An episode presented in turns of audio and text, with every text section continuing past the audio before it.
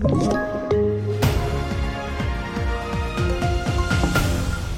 Fel att neka tillstånd för Paludan. Det ska bli lättare att utfärda maskeringsförbud tycker M och KD nekas möte med Sveriges Radio.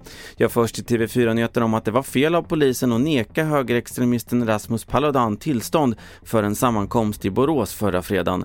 Det anser förvaltningsrätten som menar att polisens skäl var otillräckliga.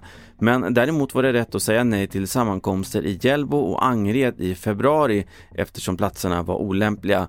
Vår reporter Per Herman Rud. Polisen hade framfört eh, eh de här påskkravallerna som argument för att neka honom tillstånd. Men där menar, menar domstolen att det är inte han som har eh, varit stökig utan våldet har ju de här eh, motdemonstranterna stått för. De som har stått för de här kravallerna är ju de som har varit stökiga och det räcker inte för att neka honom tillstånd.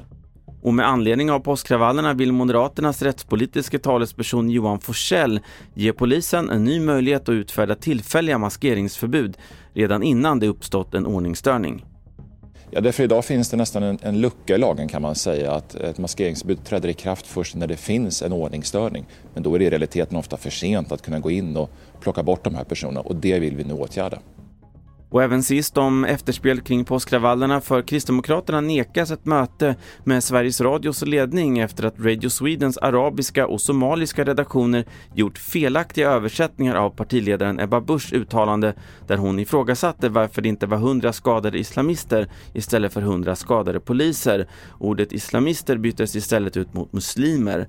Partiets rättspolitiska talesperson Andreas Karlsson är kritisk. Vi har redan en situation där man har desinformation, vi har bristande tillit till socialtjänsten, till LVU, vi har islamister som utnyttjar detta och driver en hetskampanj mot det offentliga. Att i det läget göra en sån lögnaktig översättning är ju oerhört allvarligt och det är klart att det påverkar hotbilden.